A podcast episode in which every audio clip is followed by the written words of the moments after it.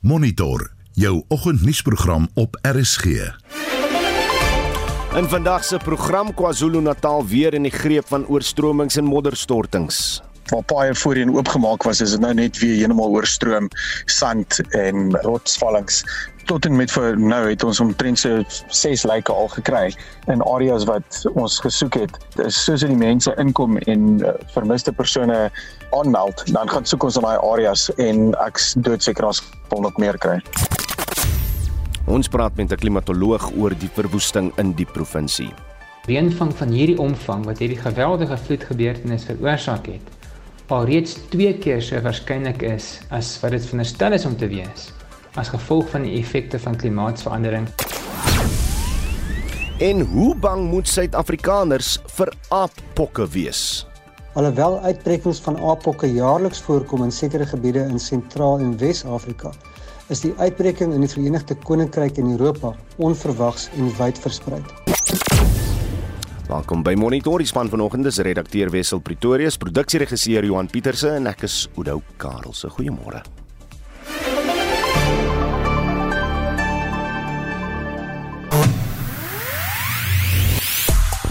Ons berig nou-nou oor die jongste skade in KwaZulu-Natal en ons praat met 'n klimatoloog, maar ons wil in vanoggend se brandpunt vraag by jou hoor.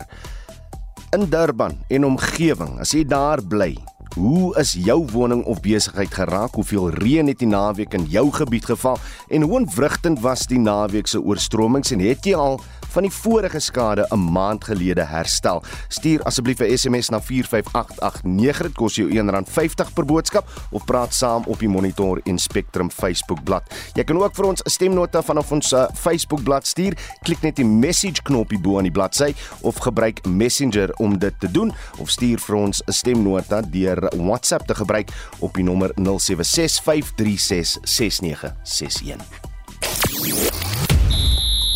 Die Franse Ope is in alle erns aan die gang en ons kyk ook na van die jongste rangliste en puntelede. Ek is Shaun Schuster. Op Twitter gesels mense oor akteur Jamie Bartlett, veral bekend vir sy karakter as David Gennaro op die ETV seepie Rhythm City wat op 55 jaar oorlede is. Geregtigheid vir Namtle wat deur haar beweerde kerel vermoor is, duur voort.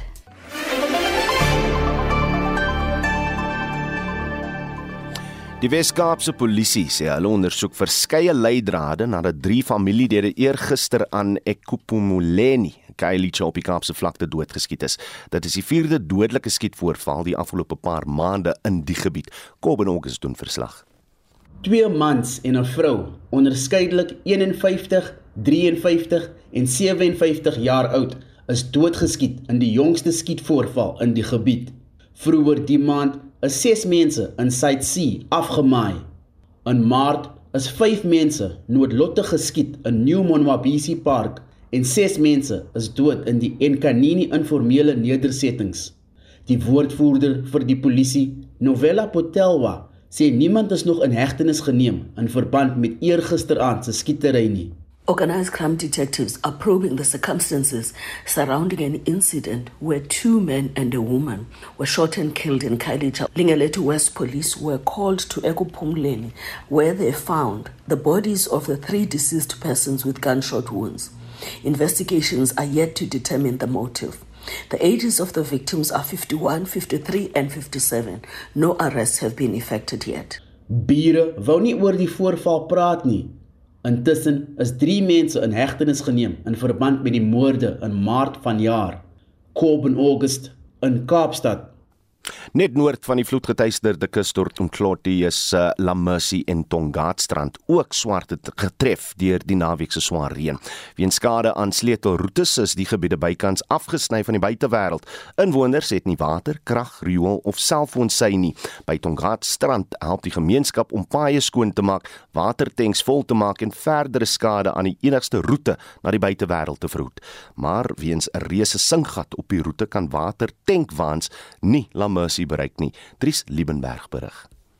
Na April se verwoestende vloede het Arif Isa van La Mercy 'n watertank gekoop om seker te maak dat hulle nie sonder water sal sit nie.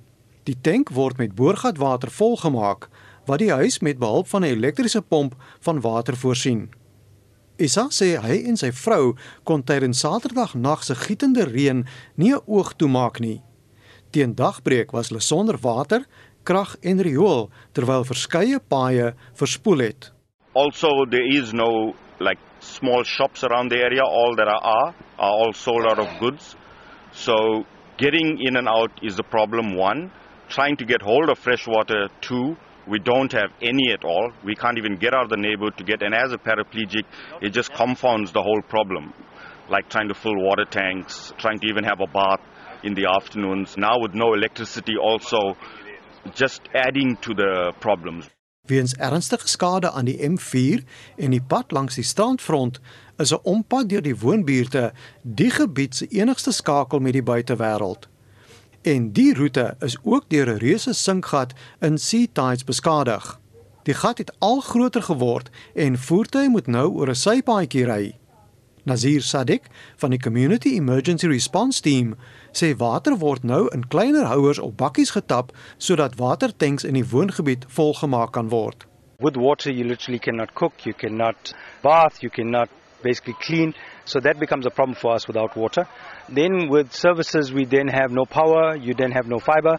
So you've got no internet connection, you've got no communication. And currently with COVID, lots of people are actually working from home, which also starts creating a problem. Then we have the sewer pipe that has now leaked, and that's now spilling in onto this little stream behind us.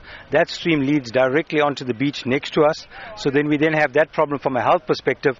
Sadik sê as jy paaie begaanbaar maak, kan al die ander dienste herstel word.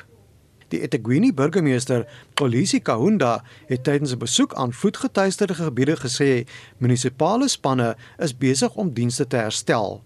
Our teams are already on the ground working flat out. They started even yesterday to be on the ground to reinstate these services. But with the electricity, we are happy to report that at least we have made a good progress. Uh, those who have not yet received their power back, uh, they are going to get their power back by today because our teams have been working 24 7 to ensure that we reinstate these services. Tydelike herstelwerk het uiteindelik aan die Umhloti brug begin grootliks danksy 'n gemeenskapsinisiatief. Die brug is gesluit vandat dit in April se vloede beskadig is. Paul Ramlal van die Lamercy Belastingbetalersvereniging sê hulle het 'n 1 miljoen rand geldinsamelingsveldtog begin om vir die herstelwerk te betaal. We had a lot of community contribution and the reason why they have come together is because of the lack and the delay in getting funding. Because this is a national disaster, to wait for money from National Treasury would have taken too long. So we need to get our lives back together, and that's the reason why we decided that look, let's get some crowdfunding together. We got people within Glamercy, business guys, well wishers, that are now putting in money into the account of the gift of the givers. Intussen sê premier Sigleza Kalala dat tydelike herstelwerk aan die M4 gedoen sal word deur weggespoelde dele op te vul. Ek is Dries Liebenberg in Durban. Ons bly by die storie. In verlede maand se oorstromings het 448 mense lewens verloor en 88 mense word steeds vermis. Meer as 13000 huise is beskadig en minstens 4000 gesinne is dakloos gelaat. Die skade word op 25 miljard rand beraam. Ons praat nou met die direkteur van die Global Change Institute en professor in klimatologie aan die Universiteit van die Witwatersrand, François Engelbrecht. François, goeiemôre. Goeiemôre, nou dankie vir die uitnodiging. Die wêreld weer attribusie diens of the World Weather Attribution Service het bevind dat die klimaatsverandering die kanse vir sulke oorstromings verdubbel. Ver, verduidelik dit asseblief. Oor dit gaan oor iets wat ons reg oor die wêreld kan sien. Ehm um, reg oor die wêreld is intense storms besig om al hoe meer gereeld voor te kom.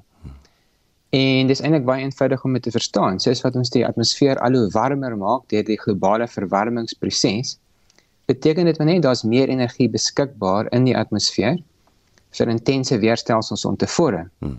En die ander belangrike aspek is hoe warmer ons die atmosfeer maak, hoe meer waterdamp kan daar in die atmosfeer gedra word en hoe sterk hoe, hoe meer reën kom uiteindelik voor wanneer 'n intense stormgebeurtenis voorkom. So die interregeringspaneel oor klimaatsverandering het dan ook bevind, uh, die verslag is gepubliseer verlede jaar in Augustus dat in die oostelike gedeeltes van Suid-Afrika ons alreeds 'n toename kan sien in die aantal intense reënval gebeurtenisse. So dis 'n statistiese tendens wat hmm. reeds gesien kan word. En as ons dan kyk na klimaatmodelprojeksies vir ons streek, dis eintlik waar vir die hele oostelike gedeelte van die groter Suid-Afrikaanse gebied, dan moet ons in die toekoms soos wat die aarde al hoe warmer word, hmm verdere toename is verwag in die aantal intense storms. Franswa, as ons kyk na die weerpatrone wat nou oor KZN beweeg het oor die afgelope paar maande. Um hoekom blyk dit so so moeilik te wees om vroegtydig te voorspel hoeveel skade berokken gaan word, hoeveel reën gaan val? Ja, as ons kyk na die 11 en 12 April vloede en ook natuurlik weer oor die, na die afgelope naweek se se se swaar reën en vloede is in beide gevalle die oorsaak van die reën 'n uh, sogenaamde afsnylaag gewees. So hierdie afsnylaagdrukstelsels is baie algemene weerstelsels in Suid-Afrika. Ons kry omtrent 10 van hulle in die gemiddeld elke jaar en min of meer 2 uit elke 10 bring swaar reën. So eintlik moet daar geen verrassing wees hmm. wanneer 'n afsnylaag swaar reënval veroorsaak nie. En hoe eintlik word hierdie stelsels baie goed voorspel. Okay. Hierdie hierdie laaste afsnylaag se baan was baie goed voorspel omtrent 4 dae vooruit. So eintlik gee weervoorspellings as ons hulle net reg kan gebruik vir ons die geleentheid om om om baie goed voor te berei voor swaar reën voorkom. Die spesifieke ding wat ons moet leer in Suid-Afrika is om duisende of 10000 mense te ontruim uit die pad van vernietiging voordat die vloed voorkom en ons het eintlik die die wetenskap vermoë om dit te doen. Ons het hierdie in, op die grond implementeringsvermoë nodig. Dit baie lande in die wêreld doen dit. Hmm. In die oostelike kus van die FSA byvoorbeeld word tot 'n miljoen mense ontruim uit die pad van 'n aankomende tropiese sikloon. En dit is iets wat ons ook in Suid-Afrika sal moet regkry. Kyk, 40000 mense is nou in elk geval verplaas weens die 11 en 12 April vloede. So hoekom het ons nie net die 5000 mees kwesbare mense voor die tyd gehelp om te ontruim nie. Franswa, ons bly hoor dat ons ons regering planne het, maar weet weet ons, weet jy as navorser wat hy getal is van Suid-Afrika wat in kwesbare gebiede bly wat eenvoudig net oor die langtermyn verskuif moet word?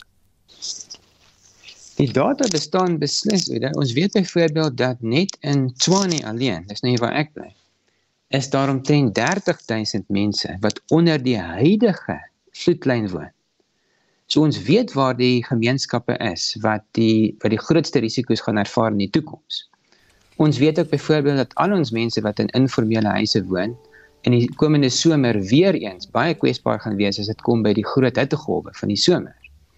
So ons weet baie goed wat ons kwesbaarhede is. Ons het inderwaarheid ook 'n baie goeie langtermyn nasionale klimaataanpassingsplan of 'n strategie die die groot die groot um, uitdaging vir Suid-Afrika is nog altyd om te midde van al die ander probleme wat ons ervaar, byvoorbeeld in terme van ekonomiese groei, hoe implementeer ons ons baie goeie beleid wat ons wel in plek het? Dan moet hierdie planne net eenvoudig aangewend word. Dit moet gedoen word. Daar's twee dinge wat ons moet doen in Suid-Afrika en wêreldwyd. Die die die eerste belangrike aspek is om die mees gevaarlike impakte van globale verwarming wat nog vir ons wag te voorkom. So die wêreld het nodig om in die, in die volgende 10 jaar en dit is nou weer 'n riglyn wat verskaf word deur die interregeringspaneel oor klimaatsverandering, moet ons ons kweekhuisgasemissies wêreldwyd verminder met omtrent 45%. 'n Geweldige uitdaging en Suid-Afrika moet ook sy regverdige deel bydra tot die vermindering van koolstofdioksied emissie. So ons moet ons steenkool afhanklikheid verminder. En die ander belangrike ding wat ons moet doen is om aan te pas vir die klimaatsverandering wat al reeds met ons is en wat nog verder gaan vererger oor die volgende 10 tot 20 jaar. So dit gaan oor 'n goeie mengsel van die die um, vertraging van die globale verwarmingsproses. Ons noem dit klimaatsingryping. Hmm en aan die ander kant om voor te berei vir impakte. Dit was professor François Engelbrecht, die direkteur van die Global Change Institute en dosent in klimatologie van die uh, of aan die Universiteit van die Witwatersrand. Intussen het die minister in die presidentskap Mondli Gungubele parlementslede gister verseker dat die regering 'n miljard rand in reservefondse beskikbaar het vir vloedbystand in KwaZulu-Natal. Hy het die parlement se gesamentlike ad hoc komitee oor eh, vloedrampbystand toegespreek oor die regering se ingryping in die provinsie wat deur onlangse oorstromings geraak is, veral KwaZulu-Natal. President Ramaphosa het na verlede maand se verwoestende oorstromings aangekondig dat die geld toegeken sal word. Zelin Merrington doen verslag. Die hoof van die rampbestuursentrum, Jurgens Duisel, het vlugtig syfers gedeel oor die vloedskade van April. There's 8584 houses that were completely destroyed. There were 13,536 houses that were damaged, uh, some minor damage, uh, others quite uh, significant. To date, there has been 448 fatalities. There is still 88 missing people reported, and there's also some uh, issues. I'll touch on that. And then 50 people uh, that have uh, been injured during this event. Dit sluit nie skade in wat die afgelope naweek veroorsaak is nie. Terwyl president Ramaphosa aangekondig het daar is befondsing beskikbaar vir rampverligting, was die DALP dien McPherson baie skepties oor waar dit vandaan kom. That essentially the cost of the disaster is being left up to a reprioritization of budgets. That's essentially what it comes down to. There's no new money, as I can see, or from what I can understand in your presentation, being made available to the province. Die minister in die presidentskap, Mondli Gungubele, het probeer om sy kommer te weerlê. I know undoubtedly that the Minister of Finance has said there's 1 billion contingency fund, which is in the coffers of Treasury. This is a fact. This is not a theory or anything. But the minister would have said infrastructure departments, whenever there's a budget allocation to them, there is a portion for contingency situations, for disaster. Once that is done and finished, they are expected, therefore, to access the 1 billion. Dit was die minister in die presidentskap, Monli Gungubele, Zelin Merrington, Parlement.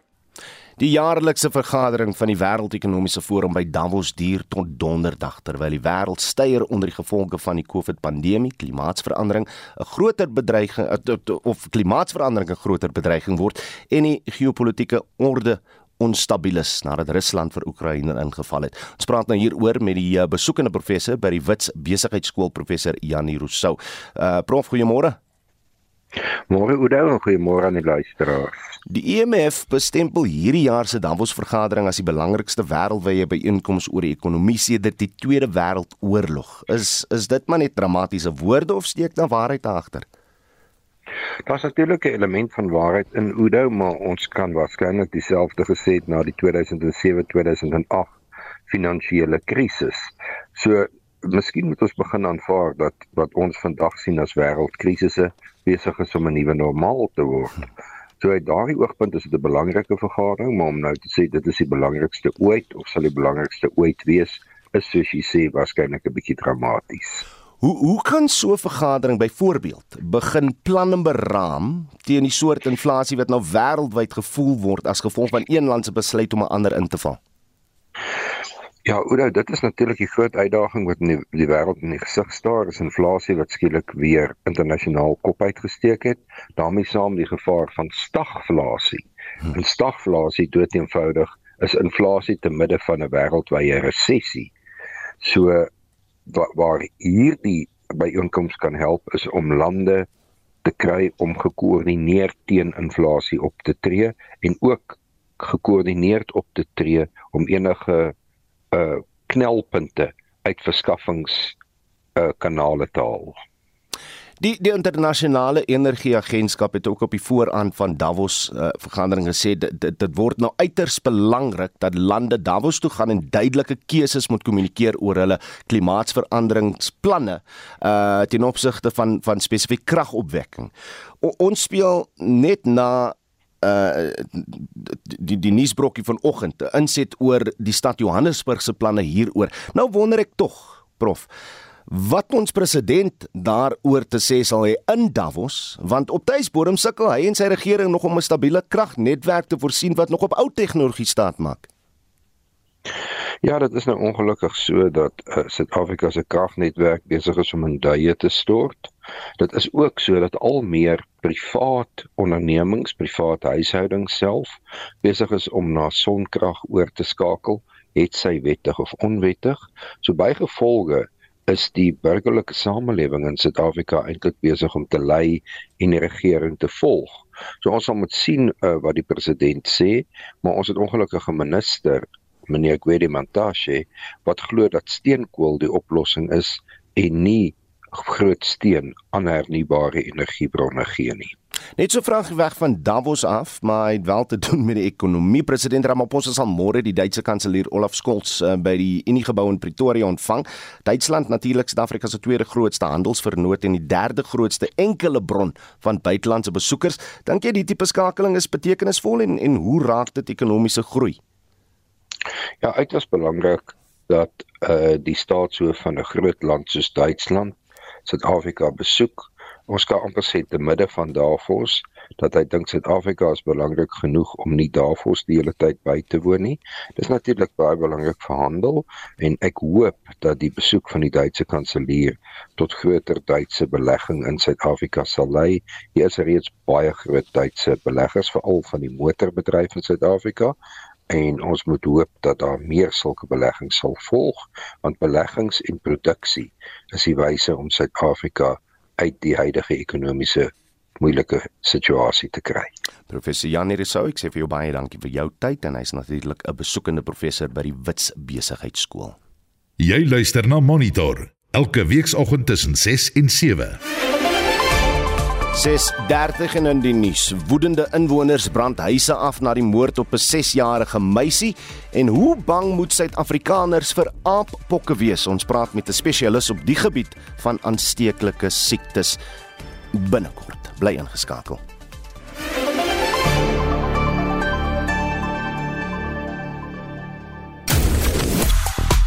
Reg ons brandpunt vraag vanoggend wil ons by jou weet spesifiek as jy in die Durban omgewing bly, hoe is jou woning of besigheid geraak deur die oorstromings? Hoeveel reën het die naweek in jou gebied geval? En uh, hoe ontwrigtend was die naweek se vloede? En het jy al van die vorige oorstromings 'n maand gelede herstel? Stuur 'n SMS na 45889 dit kos jou R1.50 per boodskap of praat saam op die Monitor en Spectrum Facebook bladsy. Jy kan ook vir ons 'n stemnota vanaf ons Facebook bladsy stuur, klik net die message knoppie bo aan die bladsy of gebruik Messenger om dit te doen. Dan kan ons so mooi met die res van die luisteraars deel op uh, Spectrum en Brandpunt vanmiddag of jy kan vir ons 'n stemnota stuur na 076 536 6961. Uh die een boodskap wat ek nou net na julle aandag wil bring is Samuel Walters van Gouda sê ek bly nie in Natal nie, maar hoekom soveel rampe? Mense is magteloos teen natuur. Ek het in 19 1969 die aardbewing in Tilbag beleef. Dankie vir daai boodskap daar Samuel. Stuur gerus julle terugvoer. Waar met reekse wat voortgesit word, ligas wat tot 'n einde kom en uitklopfases wat voorlê, kyk Shaun Jooste nou na van die jongste ranglyste, puntelere en sportnuus hier op RSG. Ons val weg met tennisnuus. Die Franse Ope het Sondag by Roland Garros afgeslaan en 'n paar groot name is reeds uitgeskakel. In die vroue afdeling is die verdedigende kampioen en Tsjech Barbora Krejcikova en die voormalige wêreldnommer 1 Naomi Osaka van Japan reeds uitgeskakel, terwyl die Pool Iga Swiatek deur is na die tweede ronde.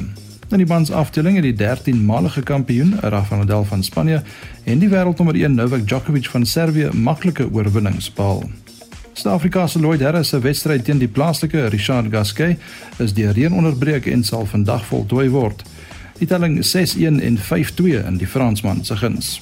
Die Amerikaner Scottie Scheffler bou sy eerste plek op die jongste mansranglys met die Spanjaard Gon Ram ook steeds tweede. Die Aussie Cameron Smith sorg vir 'n verandering en beweeg in die top 3 in. Die wenner van die PGA Kampioenskappe, Justin Thomas van die VSA, spring met 4 plekke en is nou 5de. Suid-Afrika se Louis Oosthuizen val met 3 plekke na 18de, Erik van Rooyen met 4 plekke na 65ste en Shaun Norris spring met 2 plekke na 66ste. Oor na die sokkerveld in die Engelse Premier Liga seisoen is die naweek afgehandel. Manchester City verower hul vierde titel in 5 jaar en eindig op 93 punte. Liverpool eindig net 1 punt agter hulle met Chelsea derde op 74 en Tottenham Hotspur vierde op 71 punte. Mamelodi Sundowns is weke gelede as die plaaslike DStv kampioene vir 'n vyfde agtereenvolgende keer gekroon en eindig die seisoen op 65 punte. Cape Town City op 49 en Stellenbosch FC en Kaizer Chiefs op 47 punte elk rond die top 4 af. Op die renbaan loop die verdedigende wêreldkampioen Max Verstappen van Nederland vir die eerste keer voor in die 2022 Formule 1 seisoen en het 110 punte agter sy naam na 6 rondes. Die Ferrari renjaer Charles Leclerc van Monaco is tweede op 104 met Sergio Perez van Mexico, Verstappen se Red Bull span maar derde op 85 punte. Onder die vervaardigers het Red Bull 195, Ferrari 169 en Mercedes 120 punte. Rugby. Met nog twee bene oor in die 2021-22 Wêreld Sewe reeks het die Blitsbokke hul nommer 1 posisie op die punteleer verloor na 'n nagmerrie naweek in Frankryk waar hulle buite die top 10 geëindig het. Argentinië is die nuwe voorlopers op 118 punte, Suid-Afrika is tweede op 116, Australië derde op 110 en Ierland vierde op 88 punte.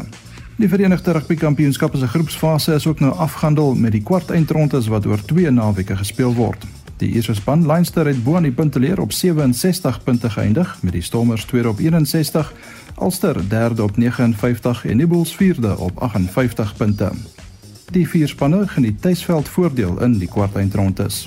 Die Sharks was 5de op 57 en die Lions 12de op 41 punte. In die Super Rugby Pacific reeks bekleed die Blues op 54, Crusaders op 48, Brumbies op 44 en Chiefs op 41 punte, die top 4 plekke met nog een ronde oor. Oor na cricket in die IPL reeks begin die uitklopfase vanmiddag 4uur. Die Gujarat Titans, Rajasthan Royals, Lucknow Super Giants en Royal Challengers Bangalore is die vier oorblywende spanne. Die Titans en Royals pak mekaar vanmiddag vir 'n plek in die eindstryd. Quentin de Kock, Faf du Plessis, David Miller en Rassie van der Dussen is ook die vier Suid-Afrikaners wat nog in die uitklopfase betrokke kan wees. En laastens die Suid-Afrikaners het die Menostrum swemreeks op 'n hoë noot afgeskop en 12 medaljes verower. Dit sluit 7 goud, 3 silwer en 2 brons medaljes in. Matthew Saits het 4 goue agter sy naam. En dit was Shaun Jooste van RSG Sport. Die Suid-Afrikaanse Mediese Vereniging waarsku dat Suid-Afrika gereed moet wees om onmiddellik te reageer op gevalle van aappokke.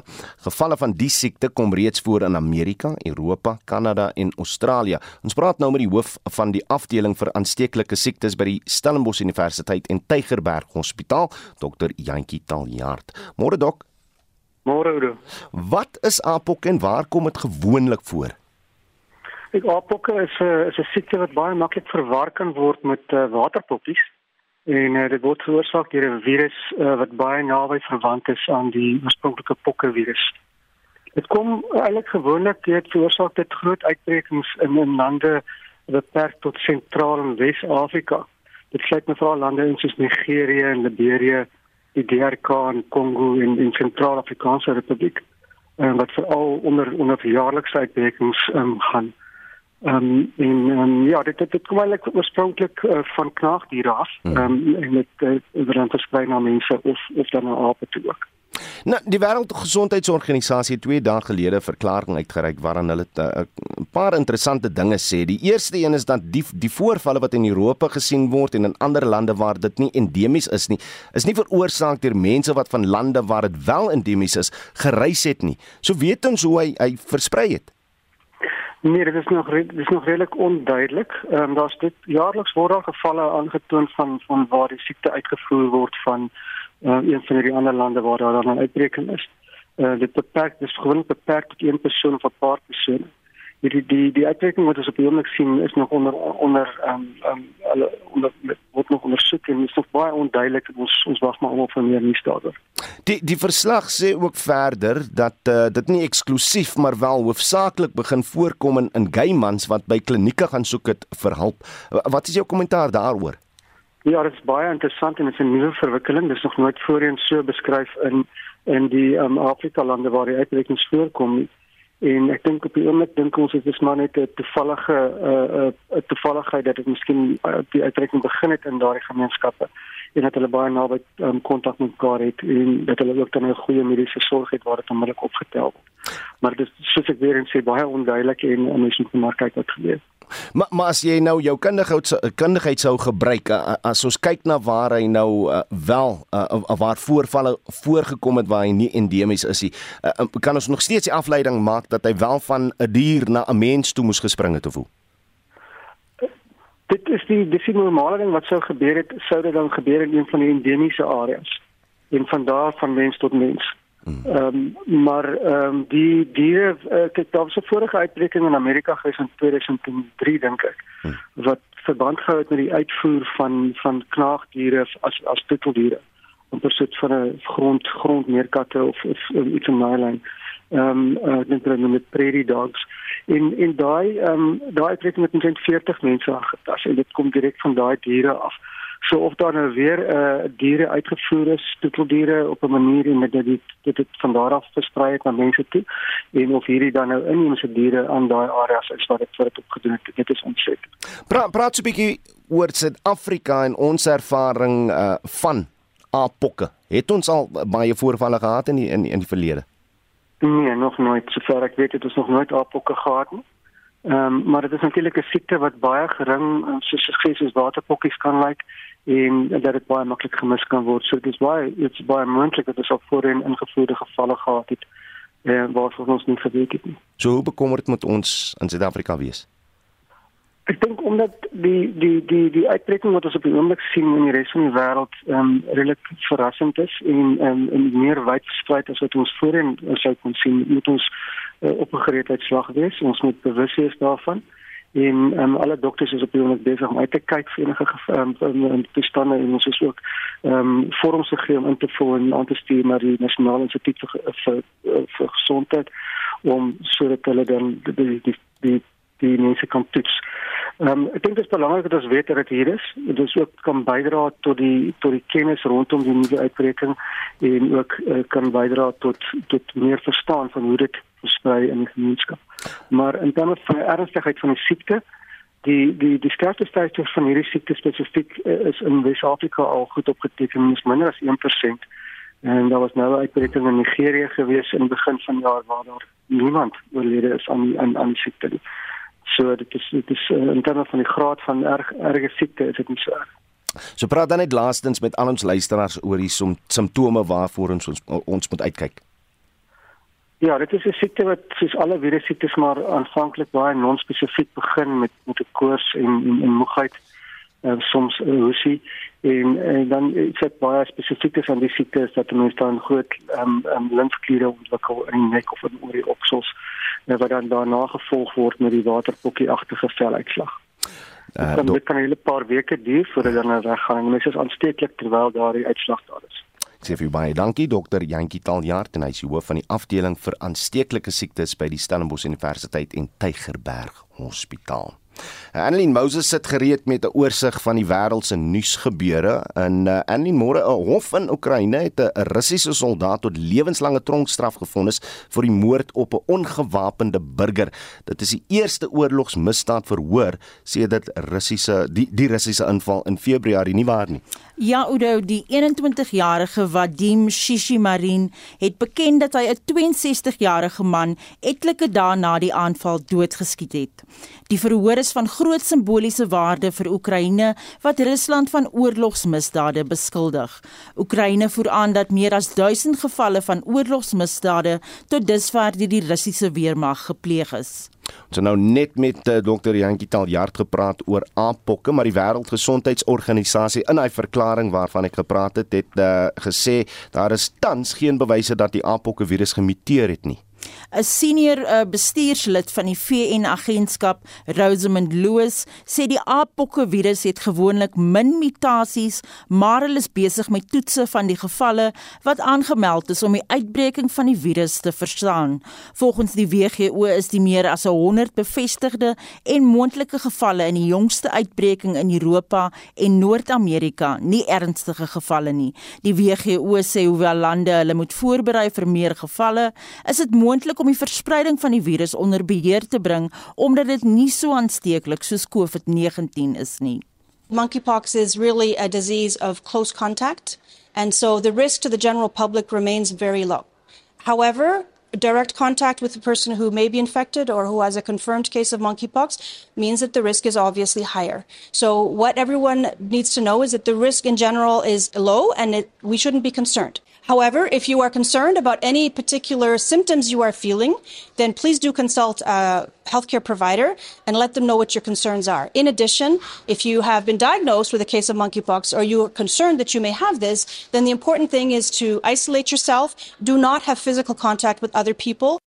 Dit was 'n senior bestuurslid van die VN agentskap, Rosamund Loos. In Sri Lanka is daar 'n ernstige tekort aan medisyne terwyl die land met 'n verlammende ekonomiese krisis worstel.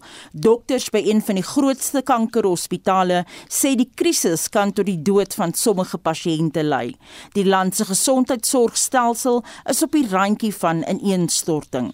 Sri Lanka voer meer as 80% van sy mediese voorraad in, maar met buitelandse valuta reserves wat tydens die krisis opgedroog het, verdwyn noodsaaklike hulpbronne van die rakke af. In ander nuus het 'n militêre vragvliegtuig met die eerste besending van ongeveer 39 ton formulemelk uit Europa in Indianapolis in die VSA geland. Die Withuis het ook aangekondig dat 'n tweede vlug gereël is terwyl hulle probeer om aan die kritieke tekort aandag te gee.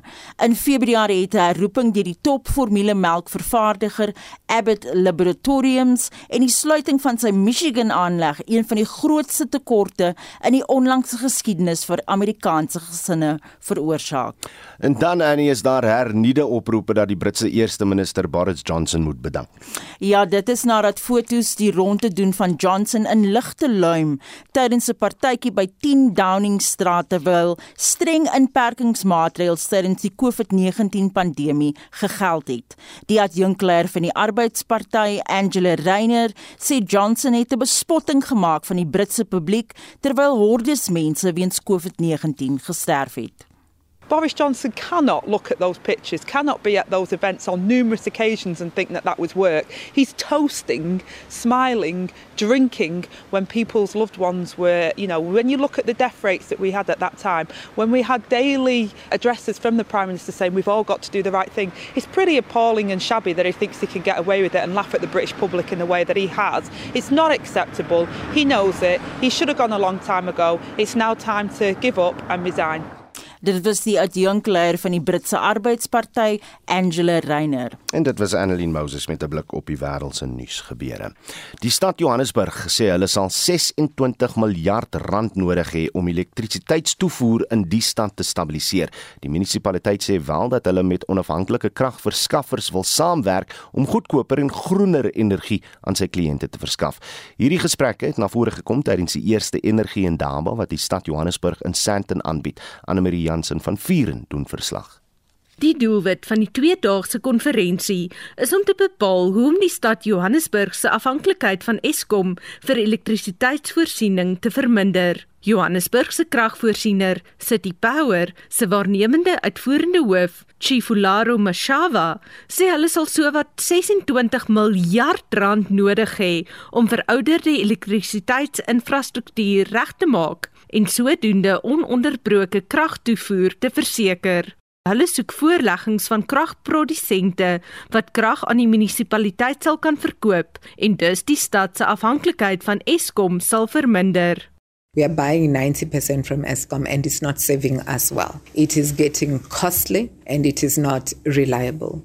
So we would like to get other power purchase agreements with those that are able to do it. And we would prefer sustainable ways in terms of the renewables, perhaps. So, yes, the whole purpose of this is to say we are ready to do business, we are ready to receive other independent power producers. Die burgemeester van Johannesburg, Mpo Paglatse, sê die stad sal grond aan onafhanklike kragprodusente verhuur wat naby aan Johannesburg se kragsubstasies geleë is. Hulle sal dan krag van die substasies ontvang om elektrisiteit aan verbruikers te verskaf. Sy sê hoe meer onafhanklike produsente hulle inbring, hoe goedkoper sal die elektrisiteit raak. We will actually be able to provide much cheaper energy when we diversify and we open up for more players because what that will do is it will stimulate competition and with competition you have to compete on pricing as well. We're already having those conversations with prospective partners. Die alternatiewe energiebronne waarna die stad kyk, sluit in sonkrag, afval en gas.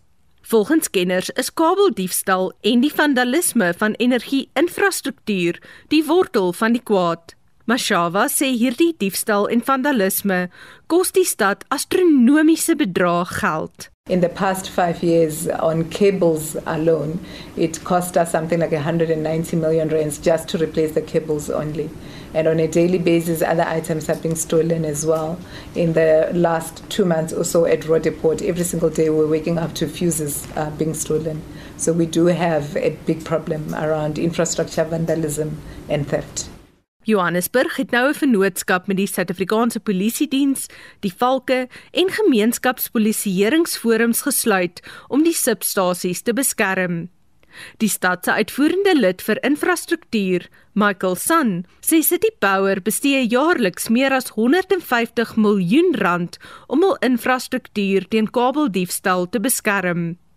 Hy sê swaar gewapende bendes is dikwels verantwoordelik vir die steel van die koperkabels wat elektrisiteit aan kliënte versprei. City Power alone records a shocking monthly increase in cable theft and vandalism. Just in April, we recorded 168, in March, 144 incidences. Indeed, I've started what we call infrastructure protection night patrols We've gone out to the community members, CPFs, community patroller groups, and together we must make sure that the criminals fear us and not the other way around. Die verslag van Tsepo Pagane in Johannesburg en ek is Anne Marie Jansen van Vuren vir SAK nuus. In episode 2 van 'n reeks van 3 afleweringe oor neutrale skooluniforms ondersoek ons vanoggend hoe studente die konsep verstaan. Die titel is Kon ons trek aan, 'n nuwensgewende organisasie vir die LGBTQIA+ gemeenskap sê neutrale skooldrag sal die uitvalkoers op skole verminder. Verminder. Regional Witboy doen verslag. Ons wou by leerders weet wat hulle verstaan onder die term geslagsneutrale skooluniforms. Iviwe Mkeia is 'n graad 11 leerder. Do you think there is space for non-gendered school uniform in our school space? Not all of the schools. Yes. And uh, the decision that whether they should or they should not sometimes lead to sexualization I mean, being forced to wear something they're not comfortable on. And it actually affects those girls with mature bodies because they might attract those people that they didn't want to attract. You see what I mean? Ouer Elizabeth Miller van Delft in Kaapstad sê haar kinders se skool verwelkom geslagsneutrale uniforms. I think most of the children they are comfortable with the uniform because they're wearing the tracksuits. If you want to wear a dress, you can wear your dress. And um, There was never a problem. But the thing is, is what I want to say is, I've listened to one of the learners, is that like when we have a meeting the first year of the school, all can come together and the children can also decide what they want to wear. Because there is grey pants and there's a golfer. The golfer is very nice. Like for the girls, you can also wear grey pants and a golfer. And I think that is not a problem. 'n Graad 9 leerder, Alonzo Alexander, sê kinders moet toegelaat word om te kies wat hulle wil aantrek. When it comes to school uniform, how do you feel about non-gendered school uniform? To me, people should wear what they want to wear, and at school, they should also do that. In my opinion, I think that they should let everybody wear tracksuits or school pants if they would like that. And girls, they don't necessarily have to wear dresses if they want to. They can wear pants and tracksuit pants. Die voorsitter van die skoolbeheerliggaam by 'n Kaapstadse skool sit hulle uniformbeleid uiteen. Michelle Beadin erken hulle beleid moet hersien word. It is compulsory for learners to wear the school uniform. DTHS uniform, which is the boys a grey tracksuit, a white shirt, grey or black school jersey, and a blazer. Black shoes, grey socks, and the red school tie. The girls, a grey skirt or dress or grey pants, white shirt, school tie, grey or black jersey, blazer or school top, black school shoes. This is the uniform. So this is one of the policies that we actually as the SGB, we haven't considered it much because we never thought that there was a problem. But speaking about it now and listening to them, I do realize that this is something that we need to speak about. We need to take it back to the SGB and we need to speak about this. 'n Leerder wie anoniem wil bly, sê hulle skool moet dit sterk oorweeg om hulle beleid te verander. So they don't feel comfortable wearing dresses because of their reasons and yeah, they wouldn't want to wear something that not comfortable in. So I think there is room for improvement. I think that they should maybe have a campaign where they ask students what they feel comfortable in wearing. 'n Lewensoriëntering onderwyser Ashika Petersen sê as leerders gemaklik is in hulle klere, leer hulle ook beter. I feel that the department should also consider learners being able to feel comfortable in what they are wearing because if a learner sits in a class and they feel uncomfortable automatically they switch off on what I am busy teaching and they start feeling uncomfortable so they don't feel like learning. The moment learners feel comfortable, that is where knowledge goes through them very easily. And not only when it comes to, to, to uniform, but also changing the minds of our people, of our community. In Durbanville in Kaapstad se noordelike voorstede is daar 'n nuwensgewende organisasie, Inclusive and Affirming Ministries. Die organisasie werk onverpoost om mense van die LGBTQIA+ gemeenskap te erken, te vier en deelname aan te moedig in die geloofsgemeenskap. Die direkteur Malo Valentine sê hoewel hulle nie statistieke het om hulle standpunt te steun nie, bewys hulle ondersoek dat sekere leerders die skool verlaat as gevolg van geslagskooluniforms. We found even in some spaces because learners cannot step into a gender role that they are comfortable with, they stop coming to school. And so we find that the dropout of learners because of school uniforms, because of them not being able to dress comfortably in the uniform that they are comfortable in, they rather not come to school. In high schools, in certain schools, we found that the policies around uniforms, around dress code is very relaxed. Dit was Malo Valentine van Inclusive and Affirming Ministries. Hierdie storie is vervaardig in samewerking met die International Women's Media Foundation. Ek is Reginald Witboy in Kimberley. Daar is geen verkeer. In Gauteng was daar 'n botsing op die N1 Noord na Maresburgweg en die regterbaan is versper. In Pretoria Noord is daar meer as 20 minute vertraging tussen Ragel de Beer en Paul Creer. Daar staan 'n voertuig op die N1 Noord na Atterbury Road en die linkerbaan is versper. Dit is dan jou verkeersnuus vanoggend op Monitor.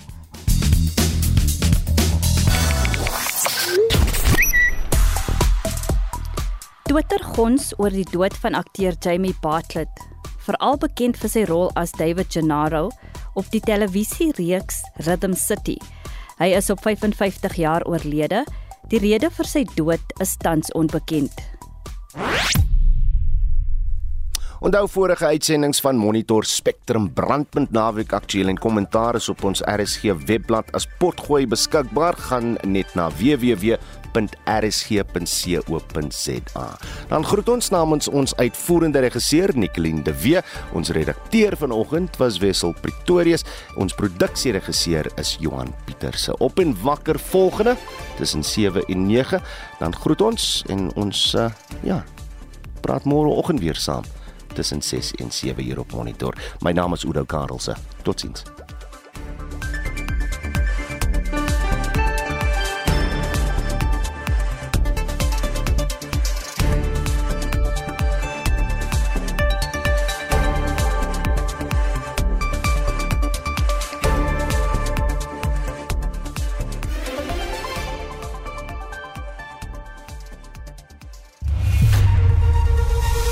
SAK nuus. Onafhanklik, onpartydig.